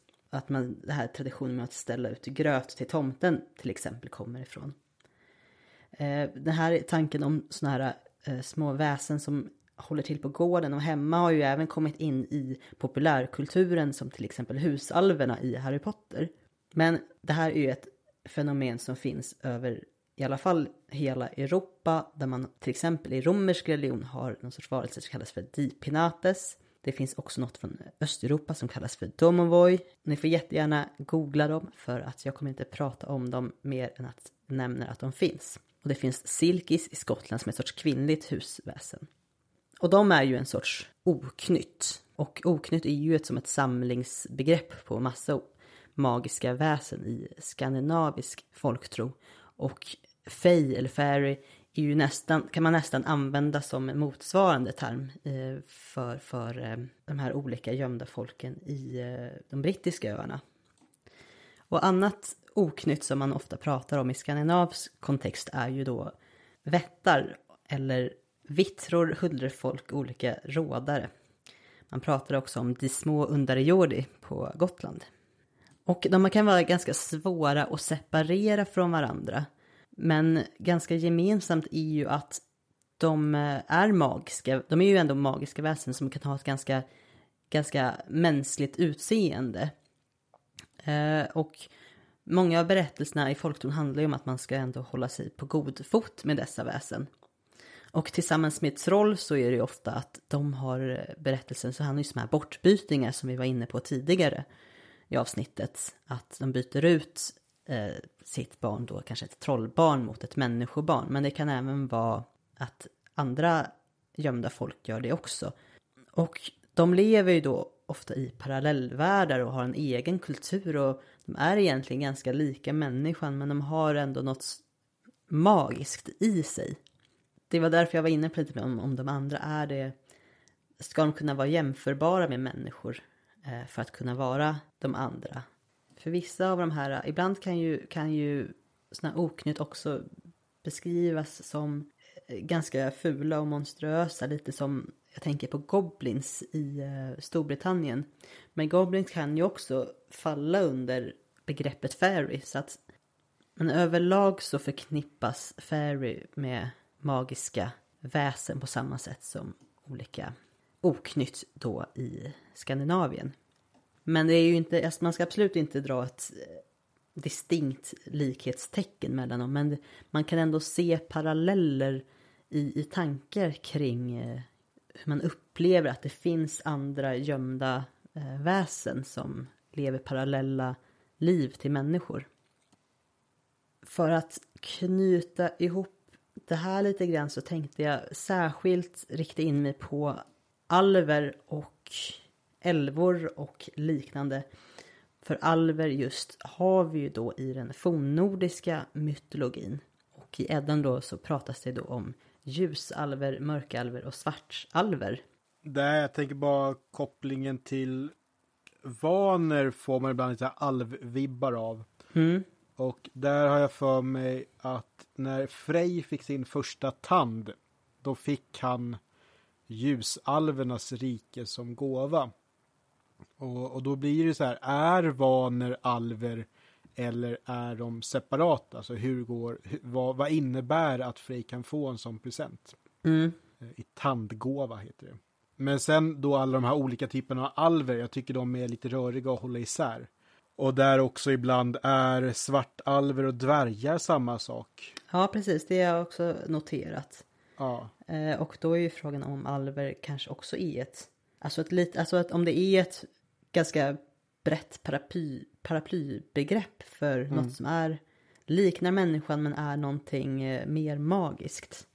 Och alver finns det ju även, prat, pratas det ju mycket om i Storbritannien också.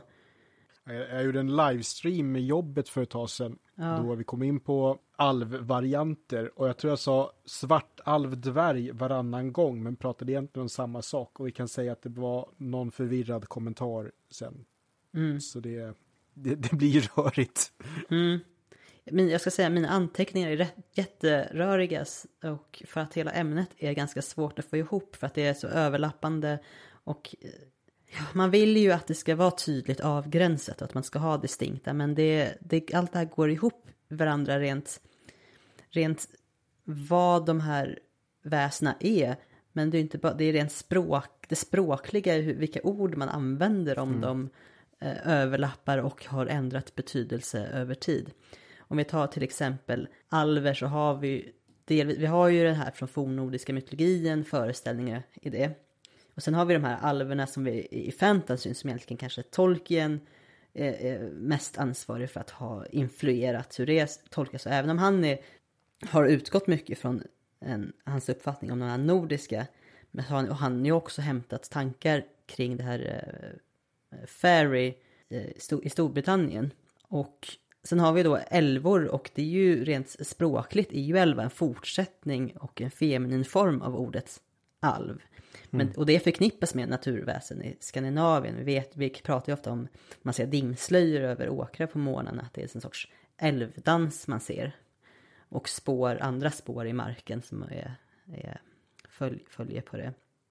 Där, i, det är väl på brittiska öarna om stenåldersyxor i Skandinavien är torsviggar så tror jag väl att eh, stenålderspilspetsar i Ja, de kallas, de kallas för elfshots. där har vi det. Ja, och, och eh, jag tror att det var under medeltid så tänkte man att de här alverna sköt pilar på folk så att de fick typ plötsliga smärtor i kroppen.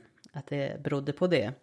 Att ja, medeltida folktron i England är att alver är ofta väldigt förknippade med, med sjukdomar och skador och så. Eh, Jag tänkte bara innan vi tappar bort eh, Tolkien. Mm. Säger jag rätt om jag säger Tolkien? Tolkien, ja precis. Ja, för jag vill ju säga Tolkien. Ja, det, det gör jag ibland med. Ja. Eh, nej, men för det är väl han som skap... Alltså jag får inte kolla upp det en gång, men att det ska vara han som är den första som ger alver lövliknande öron. Och nu är det ju själva sinnesbilden av hur en alv ska se ut med de spetsiga öronen då. Eh, men att det kanske inte är en så urtida grej egentligen. Ja, det har jag inte tänkt på. Jag minns inte om den beskrivningen kommer av han själv i böcker eller om det är folk som illustrerat. Gud, det här Okej, blev, nu, ja. nu blev jag lite osäker faktiskt. Ja, men, men ändå, oavsett Ja. hur populärkultur kan påverka vår bild av någonting. Ja, precis. Nu kan man inte tänka, jag kan knappt tänka mig eh, hur, hur man annars skulle teckna. Nej, Nej jag, när jag sitter och tecknar och jag vill rita alver eller svartalver, då blir det gärna att jag sätter spetsiga öron på dem och så blir jag arg och suddar bort de spetsiga öronen för att jag vet inte. Mm. Ha, hade forntidens människor sett dem så? Mm. Det är ju inte säkert. Nej. Men rent språkligt då, all, alver, det, det har ju, det är ju egentligen samma ord i engelskan och i svenskan och isländskan. Det är ju elf, alfer och alv som har en gemensam eh, protogermansk eh, grund. Och det är också besläktat med ett latinska ordet albus som då betyder vit. Och det är därför finns det ofta den här tolkningen då att rent språkligt att alver är det ljusa eller vita folket. Och då undrar, då vet, då, jag tror ju inte att man, men, att man kanske syftar rent färgmässigt i så fall. Eftersom man, om man har svart alver, vad menar man då? Och eh, Eh, mörker, alltså så att det, jag, jag tänker inte att det har kanske så mycket med utseendet att göra. Men det kan jag inte säga, det går, jag kan inte säga bu eller bä heller. Det, det, jag, jag vet inte. Jag, jag bara, det bara känns konstigt att det skulle tyda på vilken färg de har rent kroppsligt. Och om vi ska då kolla, om jag ändå är inne på lite etymologi här så kan jag också kolla på det här med fairy som jag pratade en del om. att Fairy är ju delvis namnet på platsen där, där fairies eller face kommer ifrån, att det är där de bor. Eh, och Ferry är också namnet på den här magiska befolkningen som ett kollektiv. Men pratar man om, om, om dem i sing, alltså som enstaka individer, då är det ju på engelska en fej och på svenska så brukar man, kan man, kommer ju ordet fe därifrån ett språkligt och det har ju en, det här har då en fransk etymologisk eh, ursprung. Franska tänker jag inte försöka uttala, det är inte min starka sida. Men det som händer ju då på medeltiden så är ju i England tar man ju in ordet fairy och det nästan ersätter de sammanhangen där man använder ordet alv. Och det är därför det är liksom så lite, liksom, lite svårt, det kan vara alltså att det benämner ofta eh, samma saker. Har jag, alltså, har jag fått uppfattningen av när jag har läst på om det här. Och eh, om vi då är inne på fier så brukar, kan ju det också vara en ganska bred eh, tanke om vad, vilka det är. När man pratar om det på svenska så är ju det en övernaturlig, eller magiskt, ofta ett kvinnligt väsen. Tänk på till exempel tandfen eller go den goda fen i Askungen. Men sen så har vi också Morgan Le Fay från Arthur-mytologin. Eller Arthur-legenden. Som är då en trollkunnig kvinna. Eh, så att det är ju hela tiden det här magiska är ju, är ju närvarande oavsett vad vi pratar om. Ett sista lite mer specifikt exempel på, på gömda folk. Och det är från Irland och det är en grupp som kallas för Ausshi med reservation för uttalet. Och det betyder i princip alltså gravhögarnas folk och de sägs då vara en ras av mäktiga övernaturliga alvevarelser som har bott i en osynlig parallell värld. Eh, antingen så bor de på andra sidan havet eller under jorden i någon sorts alvfort. De kan, där är ju teorin då att de i förkristen tid har liksom setts som gudar. Som att, de, att man haft en då koppling till eh, Tuatha de Danann, alltså guden Danus folk. Som, och de är ju då gudar. Och ja, då är ju, har vi lite paralleller det här med alver, vaner, gudar. Att det finns också någon, alltså, något ganska liknande eh, på de brittiska öarna. Så att det, ja, vi, ja. Alltså, ja, jag ber om ursäkt men det här är jättesvårt att sätta ord på alltihopa. För att vi har ju, det är som att vi har en skala mellan småväsen och gudar där det inte finns några tydliga brott på vilka de andra är. Det kan vi ha liksom hela skalan på något vis i det här avsnittet.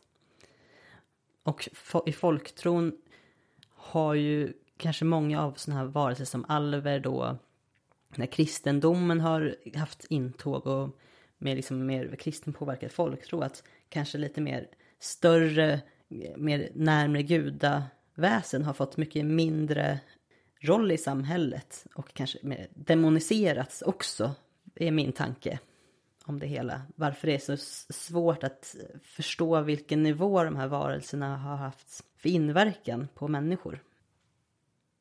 Vi är jättetrötta mm. nu.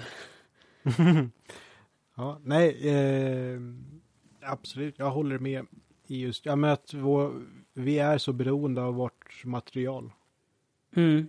Och jag funderar på de här eh, de här äh, gömda folk som, vet, jag ska bara kolla, jag hade en liten lista här på vanliga olika teman som de här berättelser eller myter eh, har. Med de här, framförallt då i folktron, de här gömda vittrorna och huldrefolk och troll och så, att man ska ändå hålla sig på god fot med dem.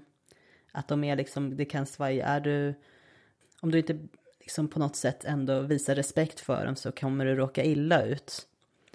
Men sen så finns det ju sen också de här äh, berättelserna om man ska använda kristna ord och silver för att liksom hålla dem borta. Så att det är ändå så att de finns ett, som ett motstånd. Och det är det här äh, tanken om de andra, att de finns som ett motstånd till det kristna. Och vanligtvis att det här är på något sätt i grunden uråldriga väsen med en mer så här, koppling till äh, landet och naturen. Mycket naturväsen som de här älvorna med dimmorna som jag nämnde. Eh, och då det här kanske att ställa ut gröten är ett exempel på ritual som är kopplat till eh, folktron och eh, genom folktron då mytologin. Att det är någon väldigt gammal sed som lever kvar. Och bortbytingar gick vi inte in, du gick in lite mer på det och det, kan, det pratar de också om i podcasten när man talar om trollen. Så det kan man ju gärna lyssna på där, om man vill få lite mer fördjupning på de här med troll och vittror och sånt. Kan rekommendera, jag lyssnade faktiskt på det igår.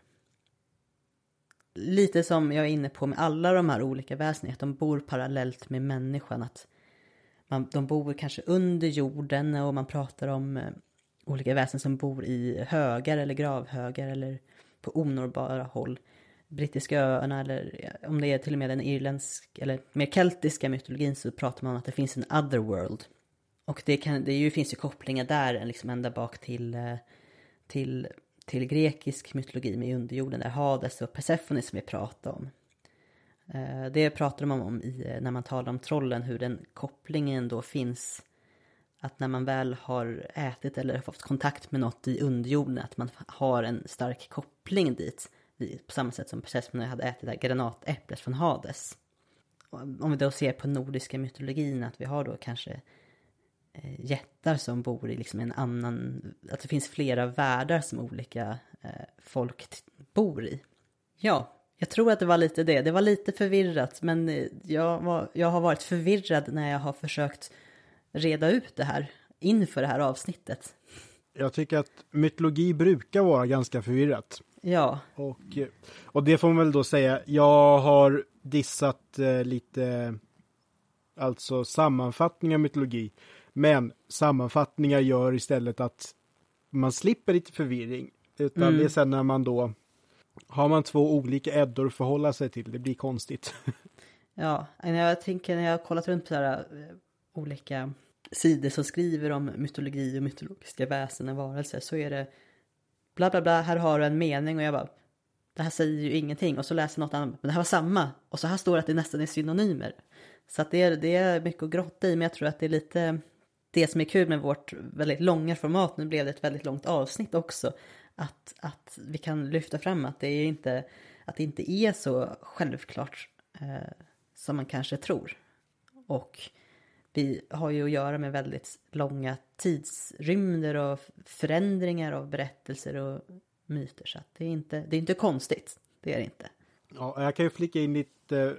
Håller vi på att knyta ihop nu va? Ja, absolut. Vi ja. sammanfattar vi det här. Ja, nej men för jag tänkte också när jag valde det här ämnet. Jag hade ju tänkt mig att hela världen skulle vara fylld av mytologier med tydliga grupper som asar, jättar och eh, vaner. Mm. Och sen så var väl typ det närmsta vi kom var olympier och titaner. Sen finns det massa andra grupper också, men de var lite svårare att definiera. Så jag kan säga att jag, jag fällde krokben för mig själv i det här. Och mig. Alltså jag, jag, jag när jag inte ens visste, jaha, ska jag... Vad, ja, vad är den andra? Men... var hur, ja, jag hade lite svårt med avgränsningen, men det var ju det som var intressant, för vi har fått ja. till rätt bra diskussioner här som vi överhuvudtaget inte kunnat ge svar på slutgiltigt. Nej. Men man kan ju säga att den andra är, är ett... Det är ju någon sorts ändå ett... Att, ett, en konst, alltså att man konstruerar skillnader. Sen är frågan mm. om skillnaderna faktiskt finns. Med tanke på de här folk, alltså mm. sagorna om bortbytingar som du var inne på. Att trollen kan ta tillbaka sin, sin unge för att vad fan hur behandlar du barn? Är du dum i huvudet? Mm. Till exempel. Det kanske inte är så stora skillnader. Förutom att jättar är skitstora då. Ja, men sen också bara lite där slutkläm. Ibland så, jag har lite svårt att greppa. Är alla jättar stora? För visst att de kan sova i en tumvante som tillhör en jätte, men sen Hymer och Tor, de sitter ju i samma båt när de ska mm. fiska. Och den här folktrosagan jag drog, det är ju, det är ju en uh, man som gift sig med en jättedotter och han vet inte ens att hon är en jätte. Nej, så uh, det, kan ju variera lite också. Mm. Och just det här när vi är inne på jättar och troll kanske vi kunde pratat lite mer om. För att eh, delvis har vi varit inne på att trollen är att de är ganska lika jättar. Men i folktro här som är ganska lika vittror och alver på det sättet att de är, byter bort ungarna och så kanske man inte... alltså att det de, troll har en väldigt bred eh, skala som de verkar, alltså yttrar sig inom på något vis. Känner du dig klokare nu än innan? Nej, inte ett dugg. Nej, inte jag heller. Faktiskt inte, men jag har ändå, jag har hittat några, några nya, nya eh, varelser som jag inte kände till, eller framförallt gud, några liksom, gudar från andra delar av världen. Men det blir också mer intressant att försöka läsa mer om de här grejerna.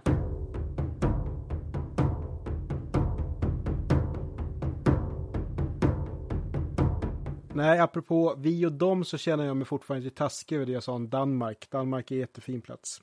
Men har man frågor, det finns fortfarande tid att skicka in frågor, så skicka in frågor på Instagram där vi heter mytologipodd, på vår hemsida, på vår Facebookgrupp och Nils, du får fortfarande skriva till mig på Messenger om du vill.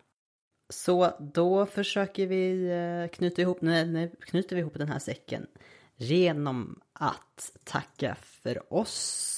Nästa avsnitt så kommer vi inte be oss ner i jorden, vi kommer be oss upp till himlen och prata om lite stjärnbilder och vilka namn som gömmer sig, vilka myter som gömmer sig i himlen.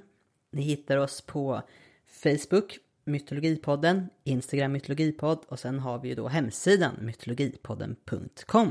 Är det något annat vi vill eh, nämna i den svängen? Nej, bara en sista chans att få säga tack så jättemycket. Hahaha, där klipper vi. Hej då.